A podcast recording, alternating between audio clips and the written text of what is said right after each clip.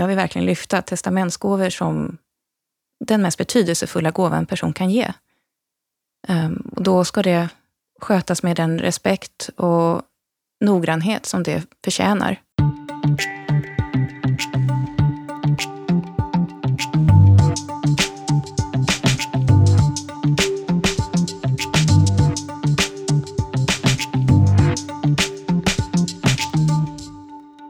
Henrik! Ted! Då sitter vi i poddstudion igen. Yes! Här trivs vi. Här trivs det väldigt bra i fåtöljerna. Man har verkligen eh, fått sin plats, sin stol. Mm. Mm. Det har vi fått. Och sin kaffekopp. Sin kaffekopp. Jag tog en fin kaffe idag. Ja, det gjorde Mm. inte jag. Jag gillar ju svart kaffe utan mjölk. Som En gärna har stått över natten. Så jobbar jag. Uppmikrat. Ja, men jag körde på maskinen där. Ja. Mm. Eh, förra veckan var det glitter, glamour, flärd, tv, kändisar. Just det. Det var det. Och jag var väldigt fin i söndags och, och det blev en väldigt bra eh, gala, Mammagalan. Den ligger på Dplay om människor vill se den i efterhand. Ja, själv såg jag den live samtidigt eh, som jag kollade på Finland-Kanada, VM-finalen. Och jag tackar för alla sms-uppdateringar. Du var som en telegrambyrå till mig där. Det uppskattades av både mig och min omgivning där jag satt. Tack. Ja, det var så lite så. Mm. Men högt och lågt. Eh, vi eh, byter väl eh, ämne totalt den här veckan går från tv till att prata döden. Precis, vi pratar döden och vi ska faktiskt gå på det som har kommit in som tips eh, till eh, insamlingspodden. Man kan ju tipsa oss både på Instagram och på mail.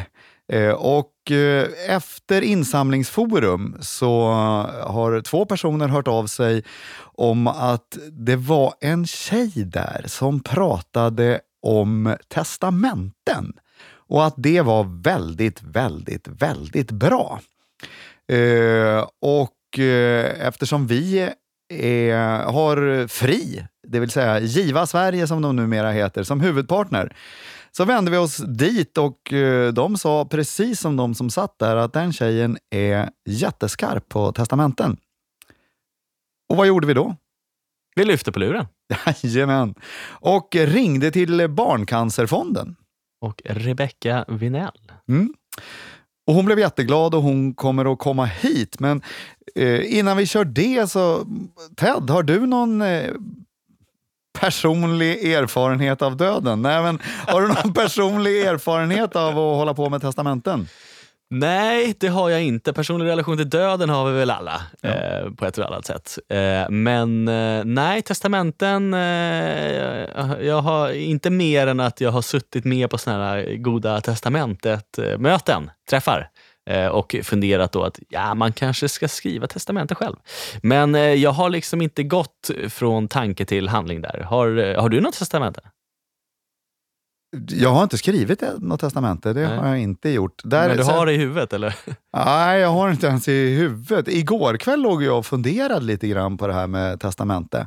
Eh, när man visste att vi skulle träffa Rebecka och, och sådär. Och landade väl i att ja, det vore ju väl bra att ha det. Eh, ändå. Så att, eh, ja, vi får väl se om hon lyckas övertyga oss när vi väl börjar prata. Eh, sen har jag, eh, eh, ja men personligt har man ju liksom eh, upplevt eh, eh, döden. Nej, men, och, och då har det varit testamenten inblandade i, i familjen. Så man, för mig är det där bara väldigt krångligt. Liksom. Det, det är därför. Eh, men sen så känner jag ju människor som, som jobbar med testamentesfrågor eh, och de säger att det inte alls är så krångligt. Man kan skriva på ett vanligt papper och det ska vara två som bevittnar, så är det klart. Och då undrar man eh, hur de där uppfattningarna ska gå ihop. Men eh, det, det blir väl upp till Rebecka att förklara det för oss. För yes. nu är vi rookies bägge två. Verkligen, nu är vi ute på djupt vatten. Så då tycker jag vi tar och släpper in Rebecka Vinell. Rebecka pluggade juridik i Skottland. Och eh, när studierna var färdiga så hade hon lyckträffen att det universitet hon hade där eh, eh, behövde man någon som jobbade med testamenten så att hon gick från att eh, lämna in uppsatsen, få den klar, till att börja jobba med testamentesfrågor där. Sen efter några år flyttade hon till Oxford utav alla ställen och eh, fick eh, väl vad som kan beskrivas som ett toppjobb inom den engelska insamlingsbranschen, nämligen att jobba med eh, testamentesfrågor åt Oxford universitet. Hon bodde centralt och bra och fint i Oxford, levde hela Oxford-livet, men eh, upplevde väl att eh, den eh, engelska barnomsorgen hade en del att önska, så att när familjen växte och blev med barn flyttade hon tillbaka till Sverige och eh, sökte en herrans massa jobb på olika institutioner eh, organisationer och till slut så fick hon jobb på Barncancerfonden där hon har jobbat i tre år. Vi släpper in Rebecca Vinell. Då säger vi hej och välkommen till Rebecca Vinell. Tack så mycket för att jag fick komma här hit. När du började på Barncancerfonden då, hur eh, såg testamentet ut, testamentesinsamlingen ut då? Och eh, hur mycket, jag bara antar att den har växt sen eh, du började? Ja, eh, just den här typen av insamling kan inte jag påverka så mycket i nuet, utan det man gör nu, det kommer kanske påverka insamlingen om fem år kan man säga generellt. För vi går ju inte ut och tvingar folk att skriva in oss och sen går de bort hux flux eh, kort tid därpå. Det är inte alls så, utan det här är något som kommunikationsteamet i den organisation man jobbar på försöker få ut budskapet om varför man är relevant och varför, hur folk kan stödja en och då ska testamenten vara med i det valet om de vill stödja en på det sättet. Många ute i allmänheten tror jag vet inte om att de kan stödja organisationer som de brinner för och, och verkligen vill hjälpa så mycket de kan. De vet inte om att de kan skriva testamente och skänka på det sättet. Så där har vi som bransch generellt eh, lite bakläxa och informera om det. Att det här är en annan möjlighet som de eh, kan ge, eh, skänka pengar eller ja, stödja en med. Så när jag kom in då hade man gjort ett stort um, investering då från Barncancerfondens sida från 2013 framöver med just kommunikationen utåt. Och då generellt då, vad våra, eh, vår vision är och varför vi finns och vad vi jobbar för. Så det var inte bara att skänka genom en testamentsgåva, utan det var skänka överhuvudtaget av testamentgåva är ett sätt som ni kan hjälpa oss på. Eh, så från 2013 framöver kan jag se att det har gått upp väldigt mycket, både i antalet ärenden, så det är folk som går bort, som vi kommer få en del av deras dödsbon, och folk som hör av sig för de vet hur man gör. Eh, de behöver inte höra av sig, det ska vara lätt att hitta på webben. Det ska vara organisationens namn och organisationsnumret efteråt. Ehm, men eh, som sagt, det har gått upp en, en hel del, både förfrågningar och ärenden som jag har med att göra. Så när jag kom in var vi väl på 85 miljoner det året um, i intäkter och bland dem så var det väl inte, många ärenden var vi ensamma om att få med några personer, eller man var väldigt få om att dela på den kakan per dödsbo. Uh, det jag ser nu, bara tre år senare, är att man har många fler organisationer i samma testamente och många fler privatpersoner också, så man måste ha en mycket större grad av återkoppling till alla som är anhöriga och är inblandade och dödsbodelägare som det heter.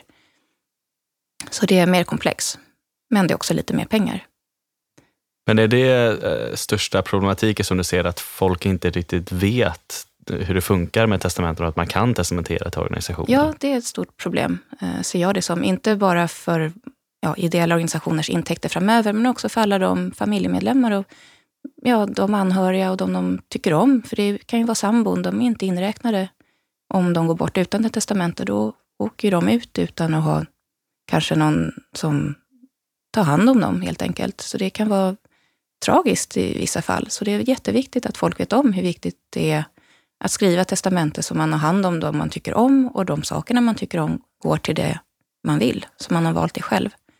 För annars utgår det ju från ärvdabalken som är en lag från 58 och 1958 såg familjen ut annorlunda och samhället, det var ju mamma, pappa, barn och man var gift och liksom särbo, sambo, särkullebarn, allt det där, det var ju inte riktigt inräknat i det. Så ja, jag tycker det är väldigt viktigt att folk ska få upp ögonen för hur viktigt det är att skriva någonting överhuvudtaget så det är täckt. Hur, och hur jobbar ni för att eh, upplysa om det här? Ja, vi var ju med i Goda Testamentet tidigare som Fri höll i. Nu är det avvecklat, men vi kanske kommer att göra någon gemensam satsning framöver genom Fri. Eller Giva Sverige ska jag säga, vi har ju bytt namn på det. Så ehm, ja, förhoppningen är väl att vi ska kunna nå ut till allmänheten generellt om den här möjligheten och hur viktigt det är att tänka på nära och kära och det man bryr sig om. Barncancerfonden, vi själva, vi upplyser bara om möjligheten till att skänka till oss såklart. Mm. Och vi går inte in på detalj på vår hemsida om eh, hur viktigt det är att tänka på sin familj. Ehm, vi tar lite om det i vår lilla folder, men generellt, folk som hör av sig till oss, de vill ju skänka där och då, vill göra det så enkelt och smidigt som möjligt. Så man behöver inte komplicera till det med att ha beräkningar med, med ja, moms. Vi är regeringsbefriade, så det måste man ju också tala om för levande donatorer om de vill föra över sin aktieportfölj eller ja, sin depå till en. Så det är ju inte bara relevant för då testamentsgåvor i framtiden, men det har ju en attraktion kanske om man har sett på värdepapper en längre tid som skulle ha en reavinstskatt och vet om att går, ger jag det till en ideell organisation så är det befriat från det och hela den summan kommer gå till ändamålet. Och då slipper dödsboägarna hålla på och sälja det där? Utan ja, då... de kan ta kontanterna istället. Ja, precis. Um, en del jurister kanske tycker att det är lite skatteplanering, men det är ju helt uh, det som det ska. Vi, vi är reavinstbefriade, det är klart vi ska använda den möjligheten. Och det är också, kan vara en risk om vi tar de värdepapperna istället för kontanterna, att uh, de kan gå ner i värde under tiden innan vi säljer det. Man vet ju inte framöver, men med högkonjunkturen så som det har varit har vi ofta tjänat på det föra över värdepapper för en viss summa så har det gått lite plus utöver det. Ehm, så familjerna är väldigt glada över det, den möjligheten att de tar kontanterna och sakerna kanske, som, och så tar vi värdepapper och fastigheter. För fastigheterna vill vi gärna också föra över på organisationens namn, så att vi står som säljare. Ehm, när Skatteverket gör en kontrolluppgift, vem ägde det och blir det en reavinstskatt eller inte på den. Sen har vi inte haft någon arvsskatt i Sverige eh, sedan 2005 om jag minns rätt. Och det är ju också attraktivt för folk att veta, för i många länder har man ju en arvsskatt. Storbritannien där jag jobbade tidigare var den arvsskatten på 40 procent och det är en rejäl hacka. Mm. Ja, och så skänkte man där till en ideell organisation så var ju den biten befriad från arvsskatten. Ehm, men det, ja, det var ju ändå en, en rejäl hacka. Ehm, men här i Sverige, vem, man vet ju inte med regeringen. Man kan ju återinföra arvsskatt framöver. Men så länge det varar så är det en väldig förmån och reavinstskatten är ju det är tillräckligt, tycker jag, för att räkna ut. Vad skiljer sig annars, du som har jobbat i Storbritannien, Storbritannien och Sverige? Vad, både alltså lagar och regler men även ja. kultur kring testamenten?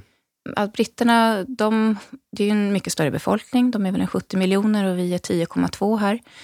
De har hört om ideell insamling och att man kan skänka genom testamenten, i alla fall från de större organisationerna.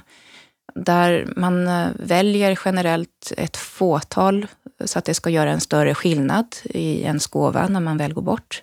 Här i Sverige ser jag att man hellre skriver in fler, så vi, är fler som delar på kakan. Det blir mindre bit för alla.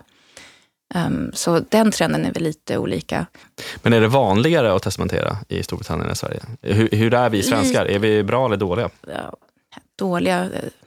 Inte lika välinformerade skulle jag säga. Jag tror inte folk tänker på att de är dåliga, utan de är inte informerade. De vet inte om hur viktigt det är. Um, lite färre i Sverige faktiskt, procentuellt är det. Men uh, britterna, de har ju haft uh, kampanjer ute i pressen. De har uh, Give uh, Charity Week och Remember Remember New Will. De har tre eller fyra olika kampanjer per år som man ser i pressen, i, på tv eller på, på nätet. De lägger upp flaggor och som ideell när man jobbar i ideell sektor och just med testamentsgåvor, när jag hör av mig till folk, då skriver jag, vet du om att nästa vecka kan du få ditt testamente skrivet gratis av en jurist. Uh, här är kontaktuppgifter till fem olika i din stad där du bor, eller ja, så nära som möjligt. Jag kollar upp det, så jag använder ju de kampanjerna, nationella kampanjerna, för att informera mina potentiella givare.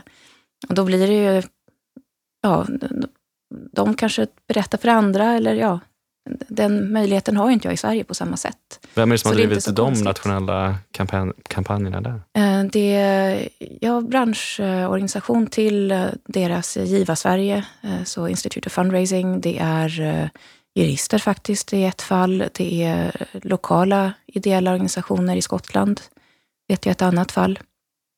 Så ja, olika slår ihop sina påsar och försöker driva på den ja, allmänhetens uppfattning av vad de ser helt enkelt i området.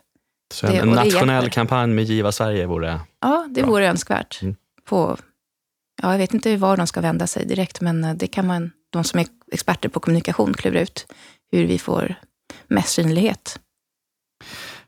Du säger ni, nu var vi inne på kommunikationsgrejen där. Ja. Då tar jag och fortsätter på den istället.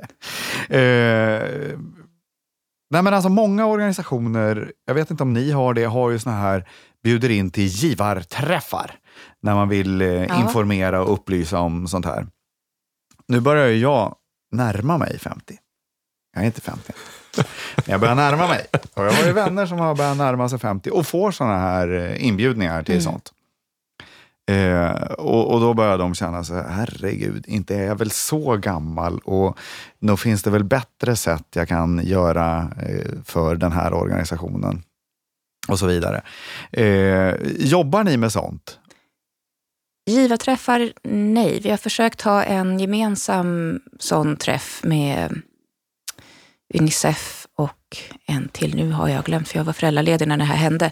Men vi har försökt, men fick inte tillräckligt många att komma, så det fick ställas in helt enkelt. Ambitionen är att ja, man ska ha sådana för att berätta vad man gör nu och igen, olika sätt att skänka. Ja. Så det behöver inte vara potentiella givare genom testamenten i sig, utan det är folk som har en koppling till en och som man tycker kanske skulle vara intresserade av en sån träff i närområdet. Men eh, ja, möjligheten finns. Men testamentet skriver man ju när det händer någonting i ens liv. Det behöver inte vara just när du fyller 50. Det verkar ju absurt. Du har ju fått barn innan dess, tänker jag. Man brukar skriva liksom till förmån för ens barn när de föds, eller om man gifter sig. Då man skriver in vad man vill ska hända. Är det enskild egendom till barnen då, i det här fallet, när jag nämnde barnen. Frun ska, eller maken ska de få med fri eller full förfoganderätt. Alltså får de göra vad de vill med din del av boet en gång eller inte. Ehm, Det är jätteviktigt att ha ner sånt tidigare, tänker jag. Men eh, som sagt, folk vet inte om det här.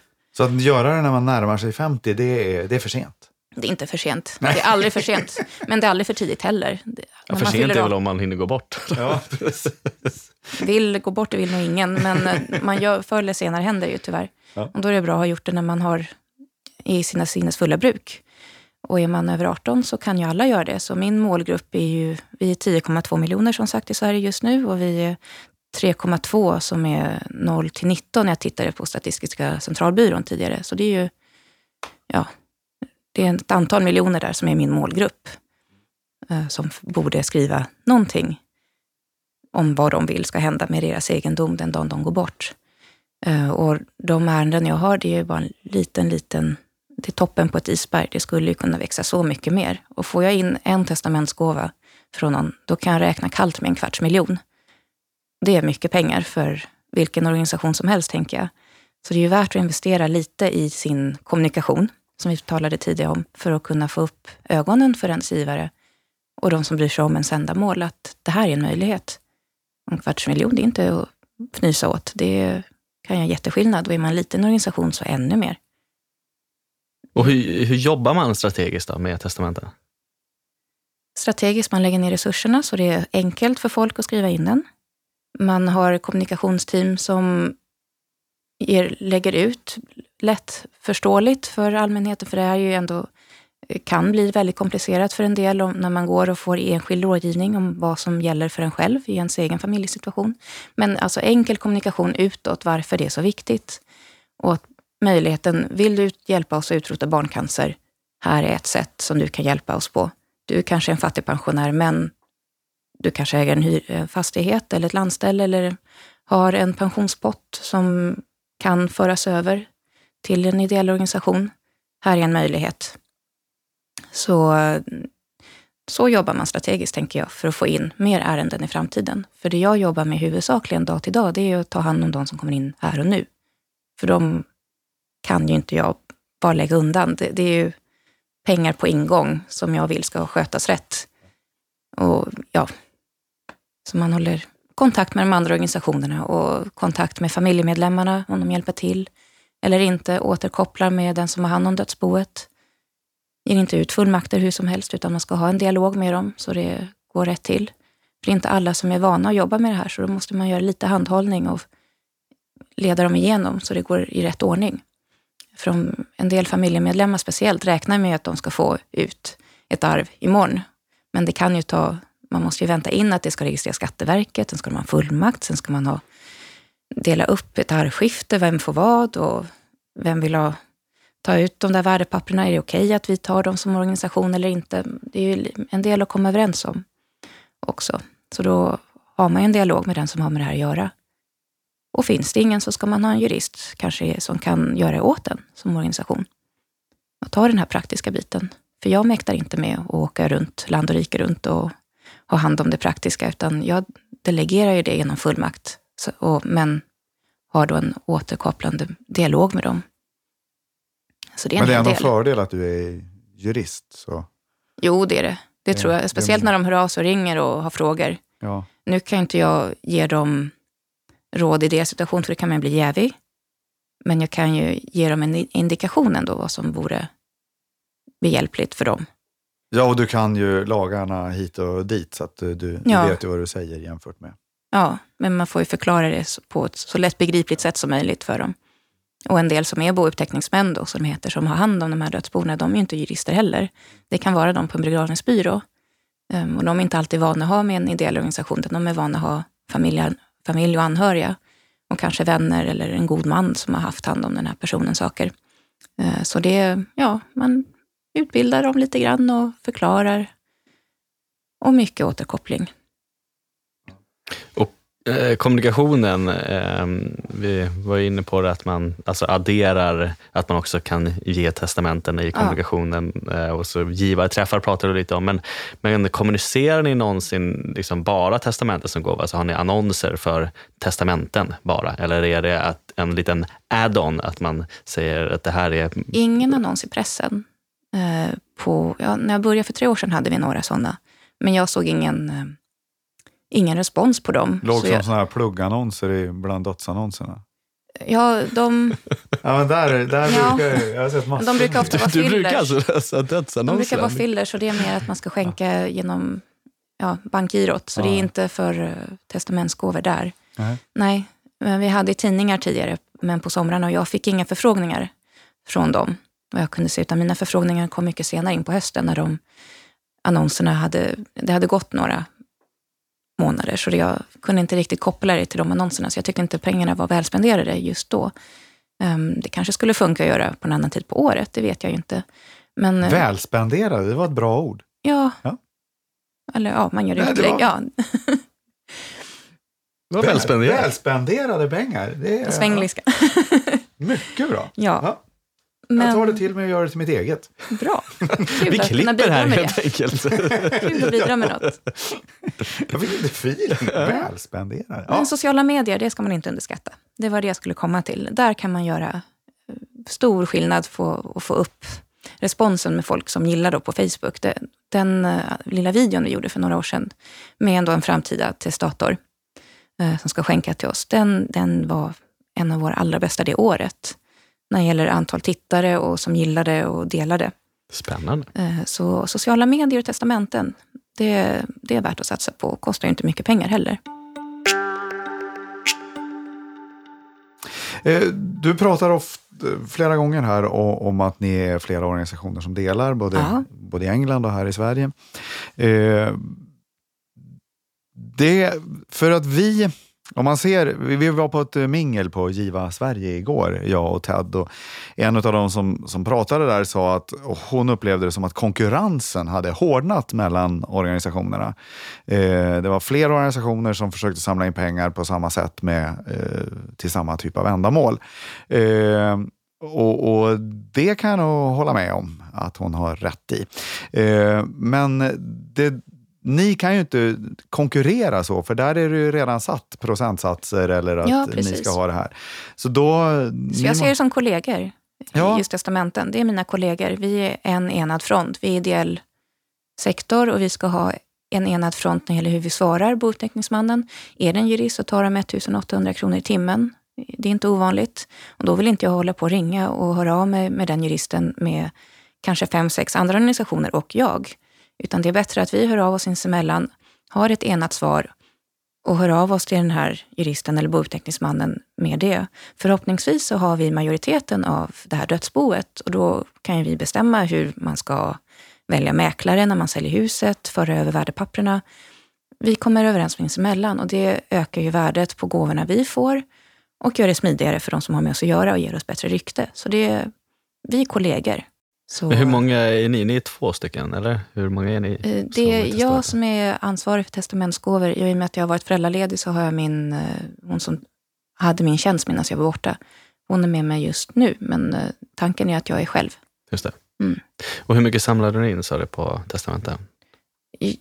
Eh, vi brukar ligga strax under 100 miljoner. Men du jobbar med stora givare också, eller? Jag har gjort det tidigare, men det har vuxit så mycket testamenteshanteringen så jag har inte riktigt mäktat med båda. Nej, jag förstår. Det finns väldigt stor potential att få in ännu fler stora givare eh, och stödja oss på Barncancerfonden. Så nu har vi eh, min kollega Charlotte Rudegård som har hand om stora givare och stiftelser. Jobbar ni nära varandra, så jag tänker med Ja. ja, stora givare och försöker få dem att testamentera? Ja, precis. För det är ju en... Det är ett och samma. Ja. Alltså en framtidstestator är ju en stor givare. Ja. Bara att de inte kan ge det här och nu. Eh, Och en framtida testator kan ju också sitta på pengar de inte behöver här och nu heller. Det är ju olika från person till person, men det, de tar ju fördel av reavinstskattebefrining. Så det, de är en och samma i mina ögon. Men det är ju roligare att kunna tacka dem här och nu än tacka en anhörig som inte hade något med det beslutet att göra när de skrev testamentet.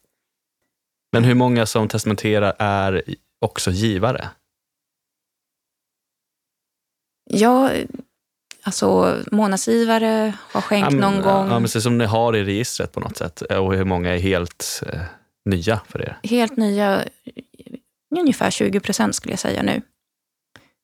Det kan ju hända att de har stött våra föreningar bakåt i tiden som inte jag kan se. Barncancerfonden är ju en riksorganisation. Vi stödjer forskning eh, inom barncancer främst och då råd och stöd i hela landet. Men så har vi lokala föreningar för familjerna som då stödjer familjerna i deras situation.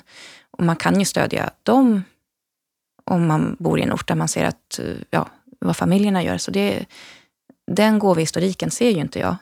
Men till Barncancerfonden så är flertalet eh, tidigare givare eller en make, maka, nära anhörig till någon som har skänkt till oss tidigare.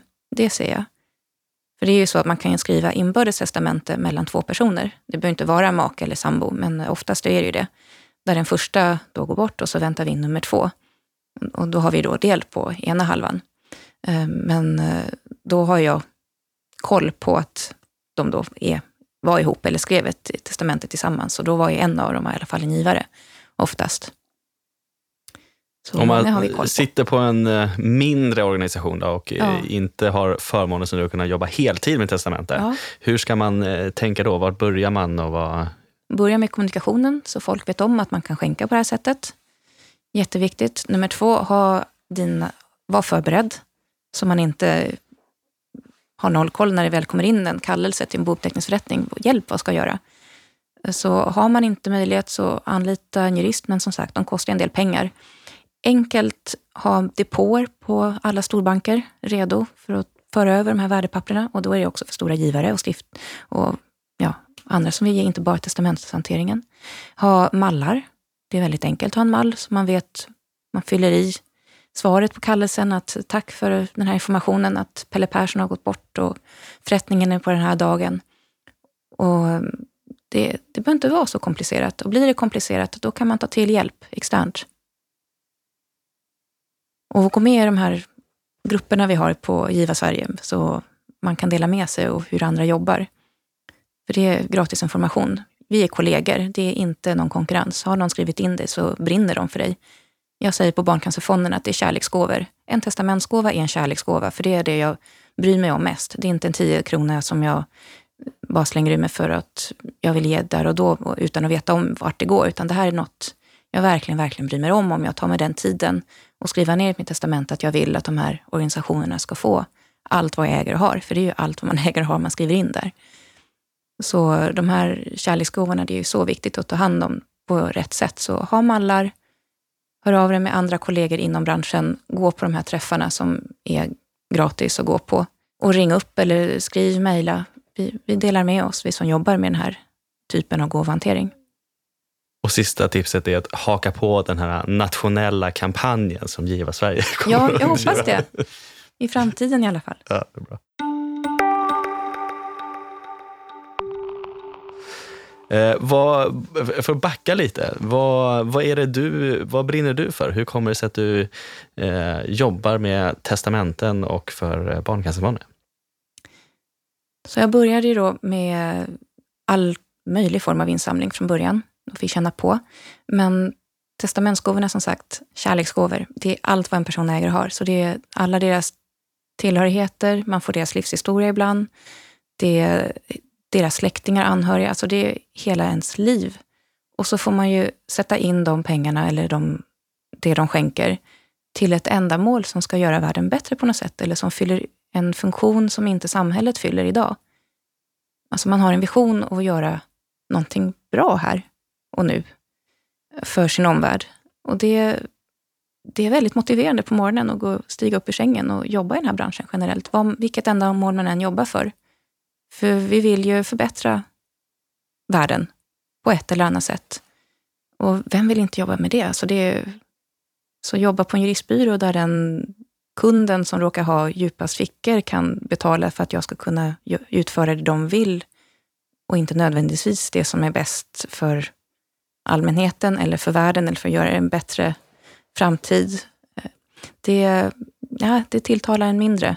Så det är därför jag jobbar i den här branschen och testamentsgåvorna som sagt, det, det är det största och finaste området man kan jobba med, tycker jag. Men vi ska ju alla brinna för våra olika områden. Men jag vill verkligen lyfta testamentsgåvor som den mest betydelsefulla gåva en person kan ge. Ehm, och då ska det skötas med den respekt och noggrannhet som det förtjänar. Och jag är en noggrann person, så det passar ju. Och, och kommunikationsteamet förstår det och kan lyfta eh, att det, att det är en viktig intäktsområde också för generalsekreterarna och kommunikation ser den respons man får i sociala medier som jag berättade om. Att folk tycker att det här är ju något, det här måste man ju kommunicera mer om och berätta och för vänner och bekanta att det här, så här ska man ju, det är jättefint att Barncancerfonden kan ta emot gåvor och ja, få upp våra överlevnadssiffror bland våra barn som drabbas av cancer. Det är 85 procent, 5 procent mer på fem år. Det är helt fantastiskt tack vare våra givare och forskare då såklart. Så därför Barncancerfonden, vem vill inte rädda barn från att gå en, från en förfärlig, sjukdoms, förfärlig sjukdomsomlopp och behandling som ger effekter efteråt som de har med sig hela livet ibland. De, de effekterna från våra överlevare jobbar vi ju på nu mycket. För vi pratar överlevnad, men också nu fortlevnad. Bra livskvalitet och ett långt liv som resten av befolkningen. Vem vill inte jobba med det? Det är, det är självklart. Det var oerhört fint sagt. Verkligen. Tack. Verk- Ja. Du hade jobbat, sa vi, tre år på Barncancerfonden? Ja. Och du sa att det tar ändå fem år innan man ändå På kommunikationen. Just det. Hur, hur mycket tror du potentialen finns i ökning generellt med, med testamenten i Sverige? och- Otroligt, och, och, med tanke på hur få som skriver ett testamente överhuvudtaget. Mm. Skriver man inte ett testamente så kommer ju inte en testamentsgåva, det Mm. säger sig självt. Så det finns en otroligt stor potential i vår befolkning. Eh, Det är väl ja, 94 000 som går bort, eller gånger två. Nu måste jag tänka efter, Statistiska centralbyrån är en väldigt bra källa på sånt här. Ehm, det är kanske 94 000 gånger två, att det är antal män och kvinnor, för de delar upp det per kön. I alla fall, det är några stycken ute som går bort varje år. Tyvärr, men eh, så är det. Och bland dem skulle man kunna öka rejält antalet procentuellt sett som har ett testamente överhuvudtaget. Och där tyvärr idag så är det ju så att det är ett original, det är en pappershandling. Vi är väldigt digitala numera och man flyttar mycket mer numera. Man flyttar in i äldreboende, man kanske flyttar utomlands. Och då försvinner ju det där originaltestamentet. Så det kanske är fler som skriver, men det, de kommer bort helt enkelt. Man hittar dem inte.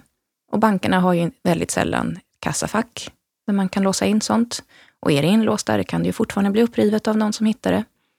Eh, så där, när folk hör av sig till mig, säger jag alltid, om att de vill testamentera, vill säga, då säger alltid till dem att det är väldigt bra om du har det lagrat säkert hos familjens jurist. För de har en tjänst för 2000 kronor, kanske med moms nu, jag har inte kollat på det. De finns över hela landet, familjens jurist. De har originaltestamentet. Den dagen du går bort och det kommer till Skatteverket, det är ett dödsfallsintyg, då tar de fram det. Så då kommer inte någon kunna riva upp det däremellan. Och det är ju säkert. Så jag ser potentialen stor i att fler människor ska skriva testamente och också att det inte ska kunna komma bort, ha någon form av säker registrering. I södra Europa där har man notarier som har hand om testamentet, så där kan det inte komma bort. De har för få notarier för sin befolkning, så det är väldigt långsamt och bökigt och väldigt dyrt. Om man ärver någonting i kontinenten, så uppmuntra inte era givare att skaffa hus i Spanien, Italien eller Portugal eller något sånt. De ska hyra helst, för det är alldeles för besvärligt för loss. Men generellt, notariesystemet är bra, för då är det registrerat det där testamentet. Ingen kan komma och riva upp det, eller det kommer inte bort om det flyttar. Jag vill gärna se någon form av system i Sverige, om, digitalt. Vi är ju så mycket i framkant med nya medier. Notariesystemet är väldigt föråldrat. Men någon form av säker registrering på originaltestamentet så att folks sista önskan, vad de vill ska hända med allt vad de äger och har, verkligen sker och det inte förfaller på vägen. Så där, det är två områden jag ser jättepotential på. Och som sagt, vi är inte konkurrenter mellan organisationer. Brinner någon för din sak, då är det fantastiskt. Det, det är inget jag kan lägga mig i och få dem att ändra sig och brinna för någonting helt annat. Eh, man, man brinner ju, älskar det man har nära sig själv. Det går inte att ändra på hur som helst. Men som, vi kan kommunicera mer än vad organisationer gör så att folk kan förälska sig och vilja stödja oss på det sättet. Och det är något helt annat. Så kommunikationsteamen på olika organisationer, de kanske är konkurrenter när det gäller det här. Men inte själva gåvan. Eh, jobba med testamenten, du sa ju liksom att man får ta del av många livsberättelser och, och, fina historier och så. Men du måste också varit med om en del märkligare samtal gällande testamenten och eh, ja. saker som testamenteras som också kanske ja, känns lite... Ja, det finns jättekonstiga saker. Um, har du en bondgård med djur, då måste djuren ha ett pass för att komma över vägen för att säljas eller slaktas. Det är en konstig grej inte jag kände till i alla fall. Eh, du kanske har en eh, bil med en jättesnygg bricka som det står ditt namn på. Det är alltså en personlig så här, uh, license, vad heter det? Ja, registreringsnumret. Man kan ju person ja. Och då är den jättedyr, inte bilen. Då måste man ju lösa upp den. Eller om du är en författare och du har ja, upphovsrättsliga inkomster, föra över dem. Då har jag en liten inkomst i många, många år framöver. Det är också ett sånt här område man kan inte tänka på generellt. Eh, så det är väldigt olika. Och jag, konstiga förfrågningar, i och med att jag jobbat på universitet tidigare, där har man ju medicinstuderande. Och vi hade också eh, forskning inom eh, ja, hjärnsjukdomar. Så här kanske Hjärnfonden är intresserad av. Så de har en hjärnbank, alltså hjärnor som ligger. Så då var det någon som ringde upp och ville skänka sin hjärna den dagen den personen gick bort. Och det är ju lite komplicerat om man bor långt ifrån eh, Oxford, för det måste ju liksom skötas snyggt. Så det är en lite mer makaber konversation Den ska transporteras. Ja, men eh, skänka organ, det, det, fick man ju samtal om rätt ofta och det beror på var man bor, vilket universitet man kommer till, eh, alltså kroppen kommer till, vart man tas om hand. Så man kan inte riktigt välja det i förtid. Men eh, ja, det är lite så makabra saker man lär sig om och får eh, samtal om själva gåvor, alltså det är ju allt möjligt eh, konstigt. Men jag hörde om någon travhäst någon gång som eh, var ja. värd massor, men att det blev eh, jättekomplicerat. Att man, ja. Med, det kanske ja. var det djurpasset du pratade om där. Nej, jag hade en bondgård med kossor. Ja, ja, ja. De skulle iväg till eh, försäljning eller slakt. Då. Det är lite, lite pyssel med sånt, men man lär sig. Det är olika, men generellt är det ju ja, som sagt, bankkonton och värdepapper och hus eller fastighet. Det är det vanligaste. Och lösöret är inte ofta så mycket värde i om man har auktionsfirmor eller någon som köper upp allt um, och städar. Men eh, ja, man, man blir förvånad ibland vad folk har. De kan ha alla möjliga konstiga samlingar som man inte alls vill se. För det är som sagt, man går in i folks skor och tar, har, ser allt vad de äger och har. Ehm, det kan vara roligare eller mindre roliga saker.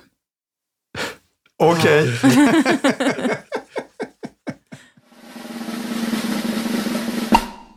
Ja, men det är en fråga som vi ställer alla eh, våra gäster.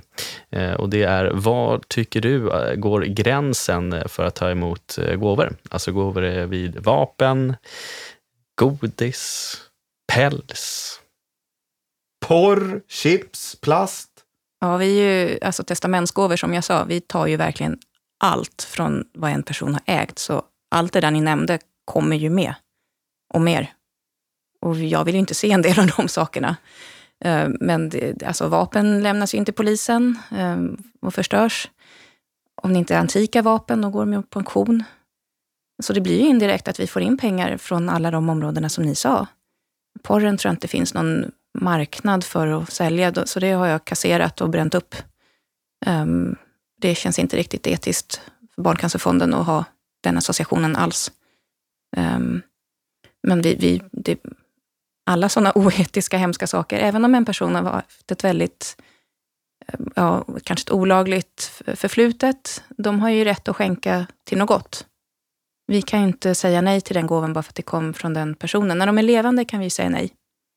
Ehm, vi kan komma i blåsväder, men det, jag tycker det är oetiskt att säga nej till gåvan från ett testamente. Där kan alla skänka. Även om du är Hells Angels eller är någon hemsk diktator eller gjort något, eh, varit en hemsk brottsling, dömd brottsling. Eh, så ja, min, min gräns är väl inte så skarp kanske. Vi, vi tar emot alla gåvor för att nå vårt ändamål. Och det, jag tycker det är lite fint. Jag är kristen, så det är liksom alla ska ju bli förlåtna. Så det här är en sätt, ett sätt att ge. Och kanske inte bli förlåten för det man har gjort, men göra någonting bra av det man har gjort och det man har. En liten cirkel på det. Så jag har ingen gräns. Fint. Mm. Mycket bra. Eh, då är det läge för oss att, att, tacka dig för att du har varit här. Tack och, för att jag fick komma. Eh, lärt eh, Ted och mig väldigt mycket om testamenten. Och ni ska skriva ett, hoppas jag, om ni har barn eller någon ni bryr om. Jag hoppas ni har någon ni bryr om. Ja, det, det, det har vi. Ja, nu har vi eh, släppt ut Rebecka ur dörren och eh, ja, men det blev lite, lite emotionellt ändå. Jag såg ändå lite vatten i dina ögon där. Ja, men det, det blev faktiskt mycket mer emotionellt än vad jag hade väntat mig. Jag tänkte, som jag sa i inledningen så, så låg jag och funderade på det här med testamentesfrågor och sånt i, igår kväll och då kom ju de här egna familjegrejerna till mig och, och, och sådär. Eh, och när hon pratade om de sakerna och hur man ska tänka, och, och då känner man så här, varför tänkte inte farsan så då? Eh, det blev ju en herrans massa bök. Eh, när det inte tänkte så. Eh, för han skrev inget testamente. Eh, så det var det. Men eh, det, det, ja, så att jag, jag har haft en liten emotionell berg och dalbana som väl Tina Jogensjö pratade om i förra avsnittet här under vår inspelning. Mm. Vad tar du med, med dig då, förutom den emotionella berg och Så tar jag med mig att vi har träffat en eh, mycket duktig människa som brinner enormt mycket för sitt arbete och hade en väldigt fin syn på sitt arbete. Det, eh, Rebecka var en fantastisk person att möta. Det, som jag sa var det ju tips vi hade fått. Vi hade inte träffat Rebecka, varken du eller jag tidigare. Eh, så det re, rent så.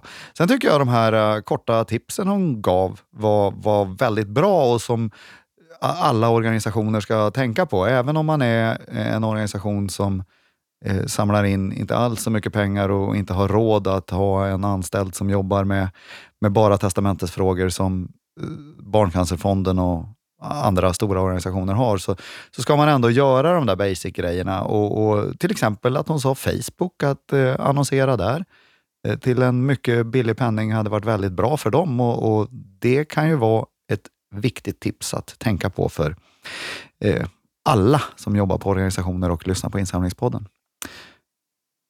Mm. Då ska jag ställa motfrågan Ted. Vad, vad kände du? Nej men eh, jag håller verkligen med. Hon eh, var otroligt skarp eh, och kunnig på sitt område och brann för sitt område. Det var väldigt eh, tydligt. Eh, och då kan jag tänka mig att hon är också väldigt duktig på sitt jobb. Eh, och Jag tyckte att hon hade en, en liksom rimlig bild på vad, vad hennes yrke innebär. Och en, min erfarenhet när jag har träffat folk som har jobbat med testamenten innan, det är att det lätt blir att man jag ska inte säga övervärderar sitt område, men att man ser det som ett helt eget område. Och just den här frågan jag hade om hur annonserar ni och tänker kring det, att, att eh, många ser att man ska test, alltså, annonsera för testamenten separat och anordna de här givarträffarna med testamenten. Men då blir det ju lätt att man hamnar i folks knä när de inte egentligen frågar efter det. Jag kanske inte heller eh, vill eh, mötas av döden när jag inte själv funderar på den. Utan, men när jag liksom är i det modet, då måste det, eh, den informationen finnas och att det, det, är mer att testamente är med i paletten av det här är sättet du kan ge. Eh, och också hur, hur de pratar kring eh, stora givare och där kanske blir det lite mer en bearbetning. Sen eh, jag, jag, är inte säker på hur det ser ut med våra testamenten, men min bild är att vi får ganska många testamenten från folk som inte är givare. Där tycker jag ändå att hon, de hade en väldigt stor del, eh, att vara 80 procent av testamentena kommer in är ändå givare. För det är annars någonting som, som kan vara väldigt svårt på det sättet att eh, de, man har, det finns personer där ute som, som stöttar din organisation, brinner för din organisation, men de har inte gett någon gåva. Men de vet själva att de har skrivit in det i sitt testamente och, och det räcker. Och man vet också hur känsligt det är. Alltså även om det är så som hon säger att det här arbetet är ett långsiktigt arbete, så tar man Operation Smile som exempel så har ju vi bara, vi har inte funnits så många år och vi får ändå in testamenten eh, utan att ha bearbetat det. Och då, då är det ju att, ja, men, när man sit, sätter sig ner den dagen och funderar på att skriva testamentet, då är det ju, vad känner man där och då? Vad är viktigt för mig just nu? Eh, och det där kan ju också ändra sig väldigt snabbt. Då, då räcker det ju med att man ringer ett eh, samtal eh, till någon av våra organisationer, eh, får prata med fel person som har en dålig dag och känner sig illa bemött och så tar man bort oss i testamentet. Och sånt där är det ju svårt att, att, att mäta. Eh, men äh, det var ett intressant ämne att grotta ner sig i som jag inte hade tänkt mig från början när vi startade den här säsongen, men jättekul. Ja, verkligen. Så nu får vi eh, öppna våra mailboxar eh, och eh, ta fram det mejl som Rebecka lovade att skicka både till dig och till mig, nämligen med en mall över hur man skriver ett testamente. Precis, så. och det där, det, hon förstod ju det också, att det, det är lätt att sitta och snacka om att ja, men det borde man göra. Mm. Men då räcker med den där lilla pushen, att man får i sin mailkorg så, så, så känns det som att oddsen ökar för att du och jag ska sätta oss ner och göra det. Nu har vi en läxa. Nu har vi en läxa att göra. Eh, till, och det har ni också, lyssnare. Precis. eh, och eh, kontakta Rebecka om ni har frågor om testamenten. Hon är skarp på det området. Då säger vi väl eh, tack och hej för eh, den här veckan. Det gör vi. Den här podden är färdig med det. Ha det bra Ted! Hej! Fino!